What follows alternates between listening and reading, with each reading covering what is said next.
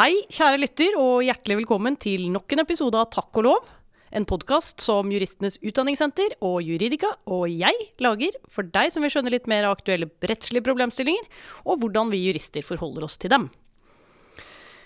Eh, tross pandemi så er vi jo ganske heldige i Norge på mange måter, også ved at vi har en fantastisk natur. Den kommer ikke minst godt med nå. Vi er jo mer enn noen gang før oppfordret til å være der ute og bruke den, og det gjør vi, tror jeg. Eh, men naturen kan også være hard og ubarmhjertig og råke oss på helt andre måter enn det vi tenkte. Et nylig og helt tragisk eksempel på dette er eh, leirskredet i Gjerdrum. Det preger fremdeles ikke bare lokalsamfunnet, men hele landet vårt. Og juss er jo ikke akkurat det første man tenker på etter eh, sånne katastrofer. Men også naturskader reiser rettslige spørsmål. Og I dag så skal vi gruble på erstatning og forsikringsrett i tilknytning til eh, naturskader. Hvordan er vi egentlig stilt rettslig når naturen rammer på sitt verste? Dette er et stort og vanskelig tema, ikke minst følelsesmessig.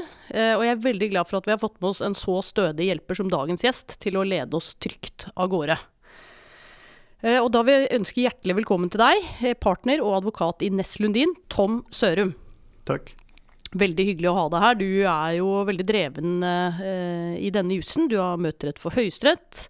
Du har vært domfullmektig i Sør-Trøndelag tingrett, konstruert lagdommer i Frostating. Og aller viktigst har vært redaktør for Jussens Venner, og medlem i redaksjonsrådet i Tidsskrift for erstatningsrett.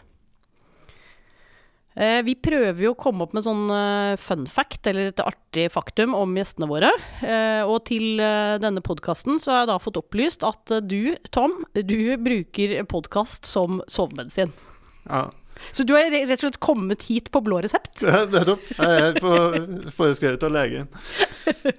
Fantastisk. Hvordan er det dette arter seg? Du, har du da et håp om at du skal få hørt på det, og så sovner du? Eller er det sånn bevisst nå trenger jeg en lur, jeg setter på en podkast? Det er faktisk eh, bevisst. Nå trenger jeg en lur, jeg må sette på en podkast. Veldig hyggelig å kunne bidra til at du er godt uthvilt og kan eh, spille inn denne type podkaster med oss, altså, Tom. Greia med det er jo at uh, Engelskmennene har et uttrykk for det som heter four o'clock madness. Du våkner sånn i firetida på morgenen, og liksom det surrer for mye baki der. Ja. Og da trenger jeg et eller annet som ja. får leda tankene bort fra det surret oppi der. Nettopp. Og det å si da litt sånn, kanskje litt kjedelig podkast, ikke denne, selvsagt. Nå må jeg konsentrere meg om det. Alle klientene, de ubetalte regningene, ja, alt blir borte. Foreldelsesfrister, alt sånt. Det er strålende. Sant? Uh, ut i konspira konspirasjonspodden eller et eller annet, ja, ja, annet som bare får deg til å sovne på stedet. Det er nydelig. Så det er trikset. ja. Um, uh, det er jo ikke et veldig lystelig tema vi skal innom i dag, men det er jo ganske viktig. Uh, hvordan vi skal forholde oss når naturen ødelegger liv, men også mye annet vi har rundt oss.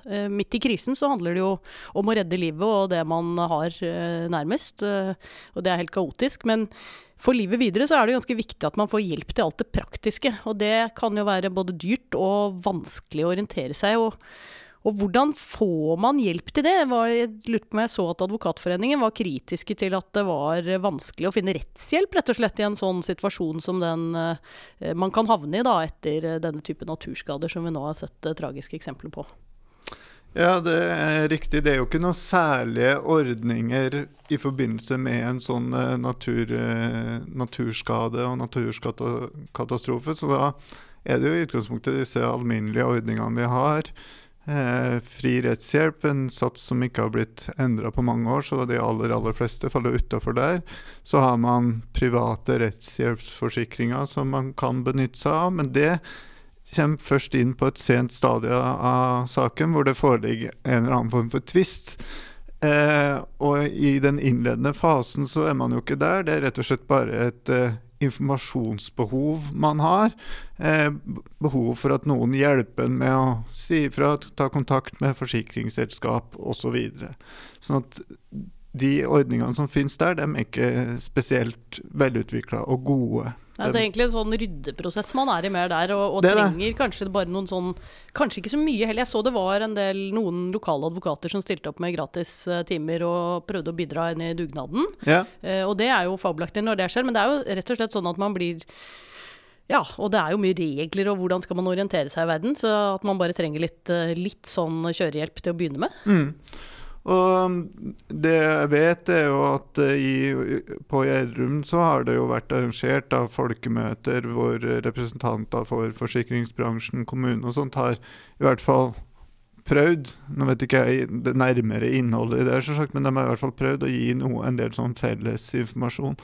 Og det er jo veldig nyttig. Og det er jo det som ofte skjer, kanskje, og som når katastrofen er såpass stor som det var der oppe, så er jo en fordel i, oppi all elendigheta er jo at man blir kanskje litt bedre ivaretatt enn eh, hvis det rammer mer enkeltstående. Ja. For det har man jo også eksempler på.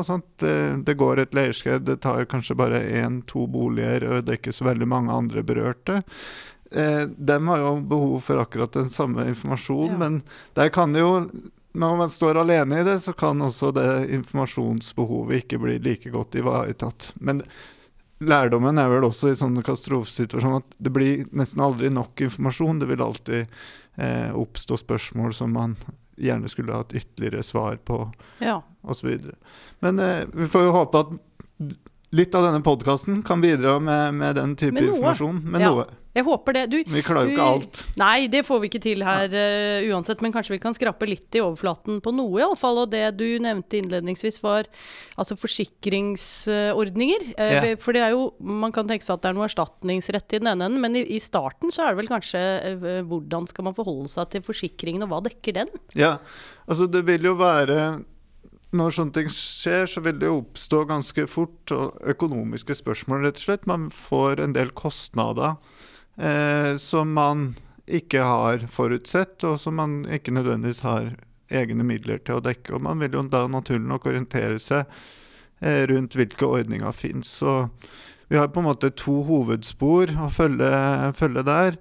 Det, det ene er et eh, erstatningsspor. Eh, da må nærmere bestemte vilkår være oppfylt. Skal komme litt nærmere tilbake til det avslutningsvis. Men, men det er jo da en ganske langtekkelig prosess. Erstatningsretten går jo litt sånn ut på å finne ja, Dere har kanskje sett den der eh, episoden med han på YouTube eh, med piler og skyld på andre problem løst. Og det er jo på en måte litt sånn erstatningsretten i et nøtteskall. Vi må prøve å finne noen å skylde på. Ja. Det er ikke så lett, det tar litt tid.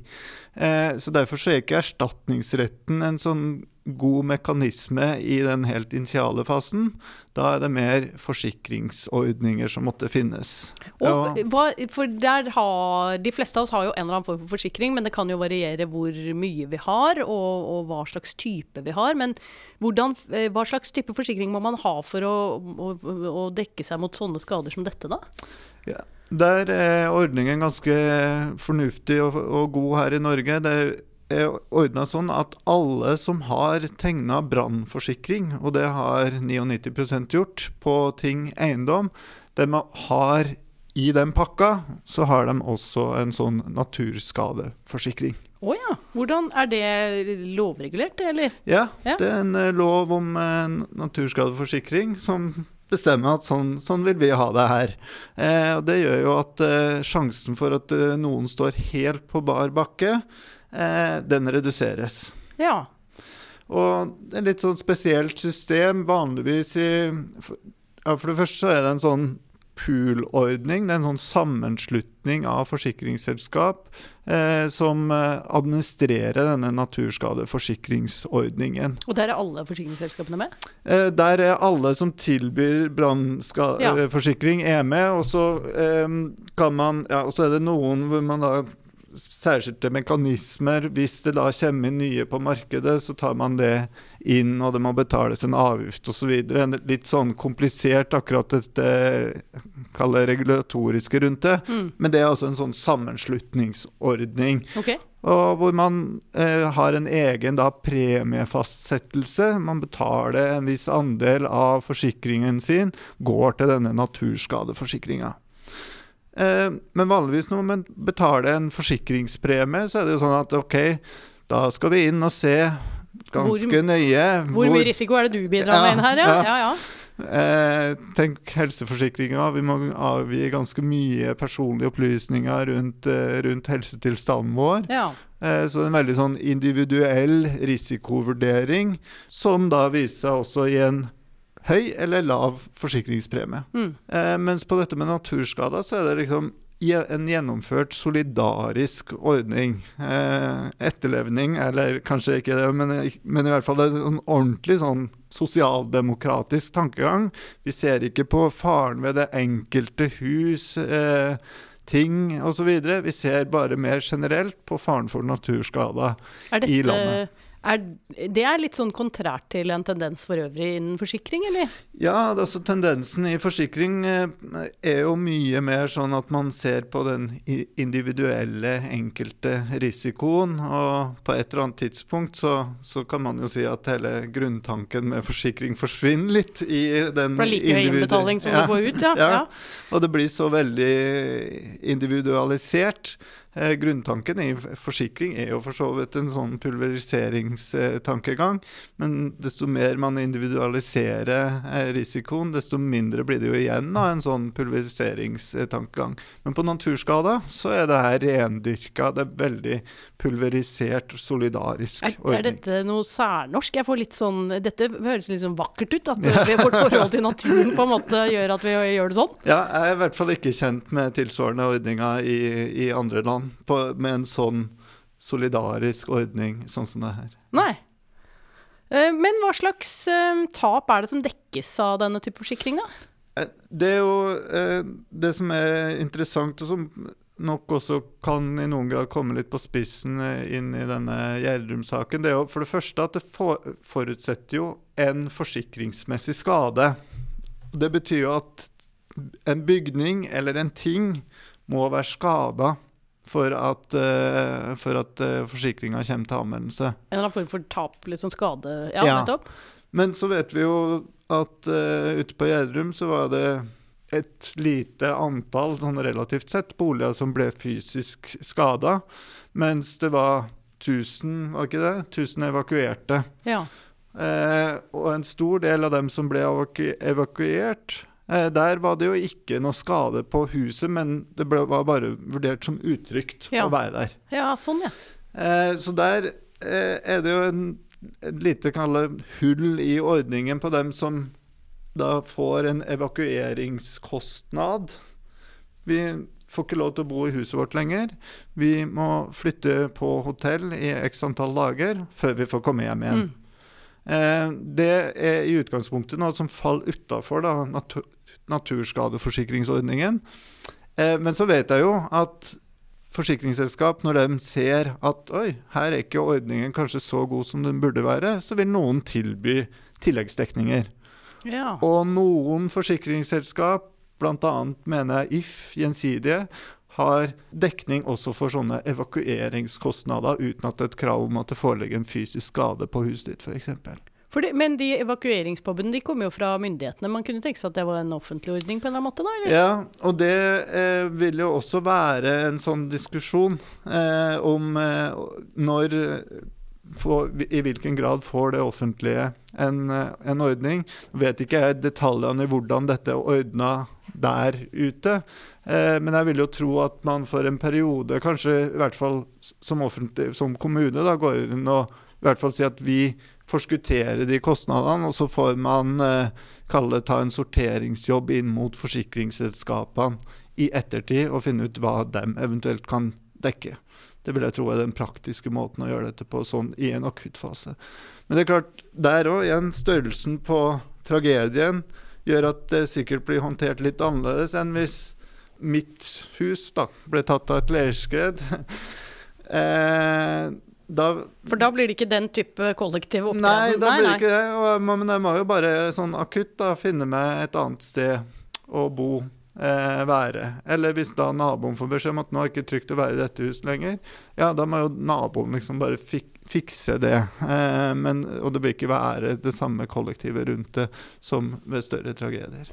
For det, um, det har vi noen eksempler på. Den type hendelser som uh, heldigvis da får vi si ikke er så store og rammer så mange, men, men som selvfølgelig er uh, tragiske nok for dem de rammer. Ja. Uh, har du noen eksempler på, på sånne hendelser? Eh, nå vet jeg Altså, jeg har jo sjøl vært involvert i Men det, det har jo vært i helt andre dimensjoner. Men det har vært eh, hytter som har eh, vært under oppføring, som har blitt eh, tatt av snøskred osv. Det var jo et leirskred i Namsos. Det var jo tragisk. Det var jo flere hus. Men der vet jeg heller ikke i hvilken grad det, på en måte, disse kollektive ordningene eh, trådte inn på samme måte som man på en måte ser i, eh, i Gjerdrum. Og, og, generelt så vet jeg jo at uh, med min erfaring sånn i, i, andre sammenhenger, så er det jo tvega dette at noen vil jo oppleve seg enda mer alene med sin tragedie når man ser hvilken oppmerksomhet ja, større ting får. Det er klart. Det er jo en side man ikke tenker så mye på, ja. Nei, men det er jo ikke noe argument mot at man ikke skal ta, ta en ordentlig innsats når større tragedier rammer, men det er jo kanskje Viktig bare å huske, på. på. de andre også, og ja. at ordninga føles av og til litt snau for dem, da. Velkommen tilbake til Jusshjørnet. Naturskade, Stulla, Sturla, det er jo et uh, ganske alvorlig tema mm. som vi har i dag. Og det er vel dessverre sånn at uh, denne problemstillingen blir vel bare mer aktuell med tiden.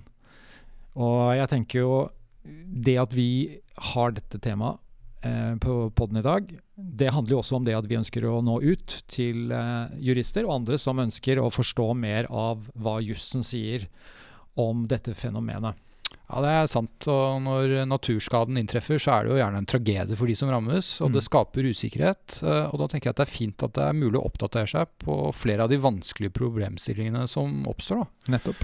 Uh, og da vil jeg si at ved å gå inn på juridika.no, uh, så, så, kan et fint sted å starte være med å slå opp i Erstatningsrettens andre utgave fra 2019 av Viggo Hagstrøm og Are Stenvik. Mm eller en nesten tilsvarende bok som heter 'Erstatningsrett', en lærebok, eh, også fra 2019 i andre utgave, som er skrevet av Morten Kielland. Mm.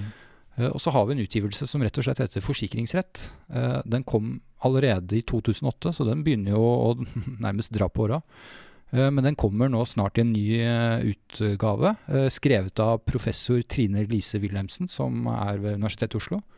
Og hun er også en av redaktørene for tidsskriftet som vi har på Juridika, som heter Erstatningsrett, forsikringsrett og trygderett. Og Der ser du noe om hvordan disse temaene, eh, som gjerne da er aktuelle ved naturskade, henger sammen. Eh, men hvordan er det hos dere? Eh, hva kan de få oppdatert seg på hos juss? Ja, hvis du vil ha mer av levende juss, så kan du jo gå inn på innføring i planlegging etter plan- og bygningsloven, som kommer den 11. mai.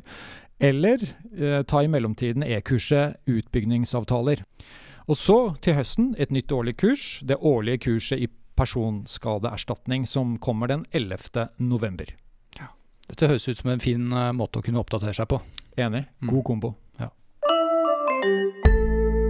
Du sa vi måtte innom erstatning også, det er også et spor her. Men da er det litt mer kronglete, for vi må finne ut hvem som har skyld i noe. Ja. Eh, hvordan kommer det inn? Det er jo sånn at uh, Erstatningsretten uh, den bygger på en tanke om at uh, hvis noen kan bebreides, kritiseres for noe, ja, for en skadehendelse, ja, da er det rimelig rettferdig at man betaler erstatning for det også. Og her høres det ut som ingen kan klandres for det er naturen som kommer inn og gjør noe, men kanskje man tenker videre enn det?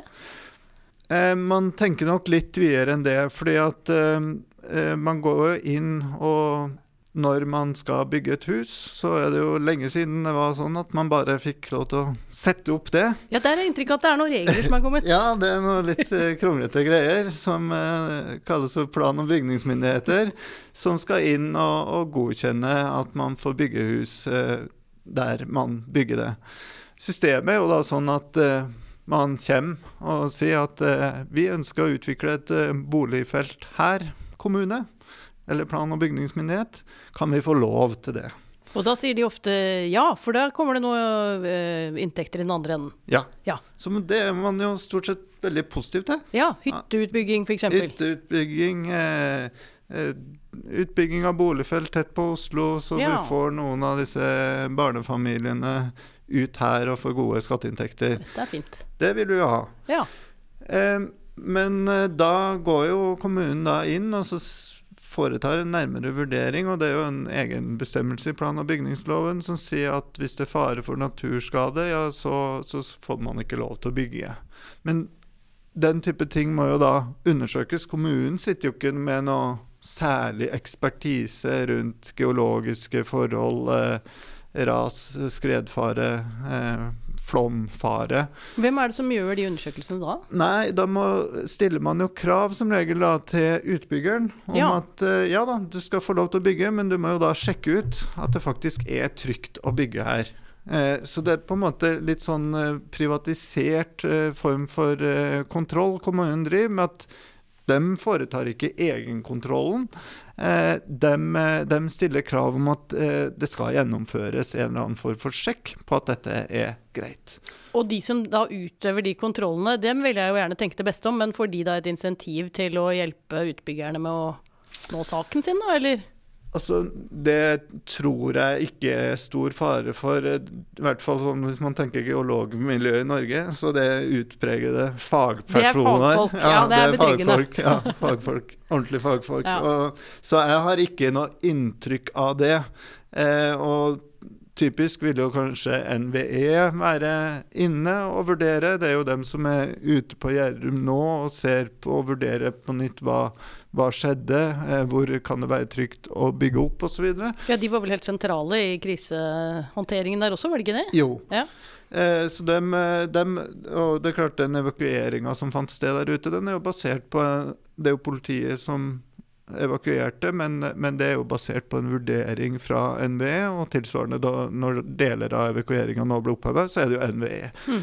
Og det vil typisk være at NVE er inne eh, i forbindelse med en, eh, en sånn eh, byggesøknad, eller det kan være andre miljø med eh, geologisk kompetanse, hvis vi snakker om eh, f.eks. skredproblematikk, eller eh, kvikkleireskred.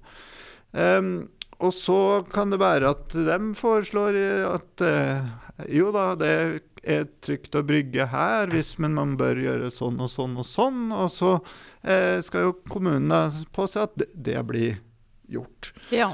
Men så vil det jo alltid, når sånne ting som det her har skjedd, så vil det jo være et sug etter å finne ut, naturlig nok, eh, er det noen som likevel da, har, har gjort en eller annen form for feil her. Og en mulig skyteskive da vil jo Ofte så tenker vi ja, men her kommunen har jo tross alt gitt denne tillatelsen. Hvor godt sjekket de Hvor dette? godt sjekka dem? Ja. Um, og sånn overordna sett så vi har hatt noen rettssaker rundt dette. ja, det var en for ikke så veldig lenge siden fra oppe i Kvam, var det ikke det? Jo, altså eh, Du har en eh, litt eldre en som var oppe i Høyesterett. Det var oppe eh, fra Lom. Ja. Eh, hvor det var et uh, hyttefelt som, uh, som gikk, uh, hvor det gikk et ras. Og, og på en måte den dommen som har blitt litt retningsgivende nå for hva skal til for at kommunen da blir erstatningsansvarlig. Og det man kan si, det er at lista ligger ganske høyt for at det skal inntre et sånt ansvar. Det er nok mer at hvis man da man ga tillatelsen, på en måte hadde konkrete opplysninger om at her eh, var, det, var det en skredfare. Ja, Burde man undersøke mer? At Ja. man har en type oppfordring til å gjøre mer? Er det? Ja. Men hvis man på en måte ikke hadde noe særlig kunnskap, så eh, vil man si at eh, dette er, er på en måte greit. Og så eh, fikk man jo i, i, oppe i Kvam, den saken du refererte til, det var jo det, det var jo Gjensidige som tok initiativet og gikk til søksmål der. Og det man på en måte var litt lei av, det var jo at det, det var Og man andre til- gang eh, Ja, fordi- dette, denne flommen kom der. Og man For det, var- det, utbetalte. bare for å rekapitulere situasjonen, det er et hus som står i nærheten av en elv, Ja. og så kommer det en flom, og så tar med seg det huset. Ja. Og så får man bygge opp igjen i nærheten, Mm. eller samme sted kanskje til og med. Og så blir det ny flom. Ja. Og den, det søksmålet som da kommer, det er eh, forsikringsselskapet som for så vidt betaler ut noe forsikring, men som da søker regress Ja. hos kommunen. Ja. Ja. Det var det som var konstellasjonen i, i den saken. Uh, og da sier man på en måte at vi er litt lei av at dere kommune gir uh, tillatelse til å bygge opp på samme sted hvor flommen gikk for fem-ti år siden. ja. Uh, så dette kan jo ikke være greit, den byggetillatelsen dere ga. Eh, men der sa, sa lagmannsretten at eh, ja, men kommunen eh, hadde jo da innhenta råd fra NVE, og NVE mente at hvis man utførte de og de sikringstiltakene, så ville risikoen for en ny flomskade være såpass liten Ja. at, eh, at eh, dette er akseptabelt og, og riktig å tillate gjenoppbygging. Og da gikk kommunen fri. Er det en type eh, dom som er relativt konkret begrunnet der, da, eller? Ja, det, Ja. og den, den baserer seg jo da på en tolkning av denne høyesterettsdommen, men essensen er på en måte det samme, disse to. Det må, man må ha hatt en eller annen konkret foranledning som Ja. kommune for å, for å reagere. Alternativt så finnes det i underrettspraksis eksempler på at man man har f.eks. stilt krav om at ja, her skal det gjennomføres sånn og sånn sikring. Eh, og så har man ikke fulgt opp og sjekka godt nok at det faktisk er gjennomført. Da er det jo klart utbygger har et ansvar, men kommunen risikerer også et, eh, et ansvar. Og ofte så vil man jo lettere tenke seg at man går på kommunen, for utbyggere kan lett forsvinne når eh, Ja. kravene blir store nok. Det er noe der, ja. Det er noe Ja, der, en liten hake. Men kommunen fins på en måte. Eh, enn så lenge, da. Nå slås de jo sammen. Eh, Dette har vært veldig opplysende for meg, Tom. Eh, Tusen takk skal du ha. Vi har en liten spalte i podkasten som heter Dagens tall. Ja. Eh, hvor jeg leser opp et tall, skal du få lov å gjette hva det refererer seg til. Og dagens tall er 437 833. Oi. Et høyt tall. Nei, det, det, så langt er vi enige. Eller det kommer jo an på hva man måler, kanskje. Det, det er sant, det. Nei, det er ikke antall eh, Antall muterte virus i Storbritannia per i dag? Nei. Nei, jeg vet ikke. Jeg har ikke peiling. Nei, eh, det det er blitt oppgitt som, er eh, ifølge Statistisk sentralbyrå Dette er så mange fritidsboliger som er oppført i Norge. Nettopp. Vi er altså veldig glad i naturen, som vi snakket om, og å komme oss på hytta. Så får vi håpe at de aller fleste av dem står trygt og unna skumle snøhellinger og elveløp. Ja. Det får vi gjøre. Um, vi inviterer ofte gjesten vår også til å dele en liten historie med oss. Uh, nå har jo du delt flere historier, du, men uh, er det noe rart du har opplevd på din vei gjennom uh, naturskader og erstatningsproblematikk? Nei, Eller andre noe, Ikke noe sånn uh, særskilt uh, kan komme på akkurat med naturskade, men eh, en historie jeg alltid tenker på når jeg eh, rundt min på en måte yrkeskarriere, det er jo tilbake til da, da jeg var dommerformektig. Det er da de skjer. Det er da det Ja. skjer. Ja. Og da var det eh, en ganske triviell straffesak. Det var et forelegg som ikke var vedtatt, men sånne ting tar jo, tas jo på det største alvor. Ja, alt skal, og særlig når man er dommerfullmektig. Ja, man skal passe på alle rettssikkerhetsgarantier. Da skal vi passe på dem. Og så da setter man jo rett da, med meg som fagdommer og så to lekdommere. Og så kom det inn en eh, eldre kar eh, med en person bak seg, yngre, som var betydelig yngre. Eh, og spørsmålet i saken, og det han hadde fått forelegg for, det var at han hadde overlatt bilen, til en som ikke hadde, bilen sin til en som ikke hadde førerkort. Ja. Og han, den han hadde overlatt bilen til, det var han assistenten han hadde med seg bak inn i rettssalen, det var sønnen. Ja, nettopp. Eh, og så er det jo sånn da at man ber aktor lese opp eh, tiltalebeslutninga.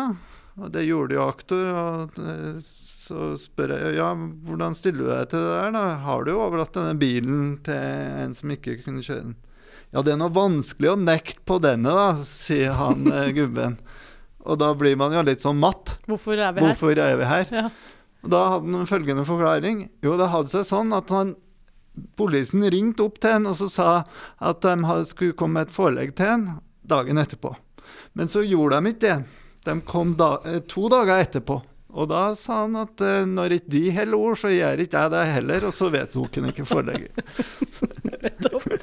så, Ja, så hvis vi lurer på hvorfor det er restanser i rettsapparatet ja, Da er det noen eh, litt eh, aldrende karer oppe i Trøndelag som eh, kan som- være i overkant sta. Kanskje ikke bare dem som står for den, men de har iallfall vært med å bidra. Ja, det er veldig bra. Tusen takk skal du ha, Tom. Da må vi rett og slett nærme oss en avslutning. Og jeg må bare takke deg for at du kom og ville bidra til podkasten. Og, og ikke minst da så du har litt sovemedisin når det måtte trengs igjen i den eh, four o'clock-tiden. Eh, tusen takk til dere, kjære lyttere, for at dere ville være med oss i dag også. Og hvis dere ikke er lei ennå, så kan jeg friste med at vi neste uke får besøk av Jan Fogner, som skal snakke om regeletterlevelse på en så underholdende og innsiktsfull måte at du rent vil glemme at compliance er et ufattelig kjedelig ord. På gjenhør!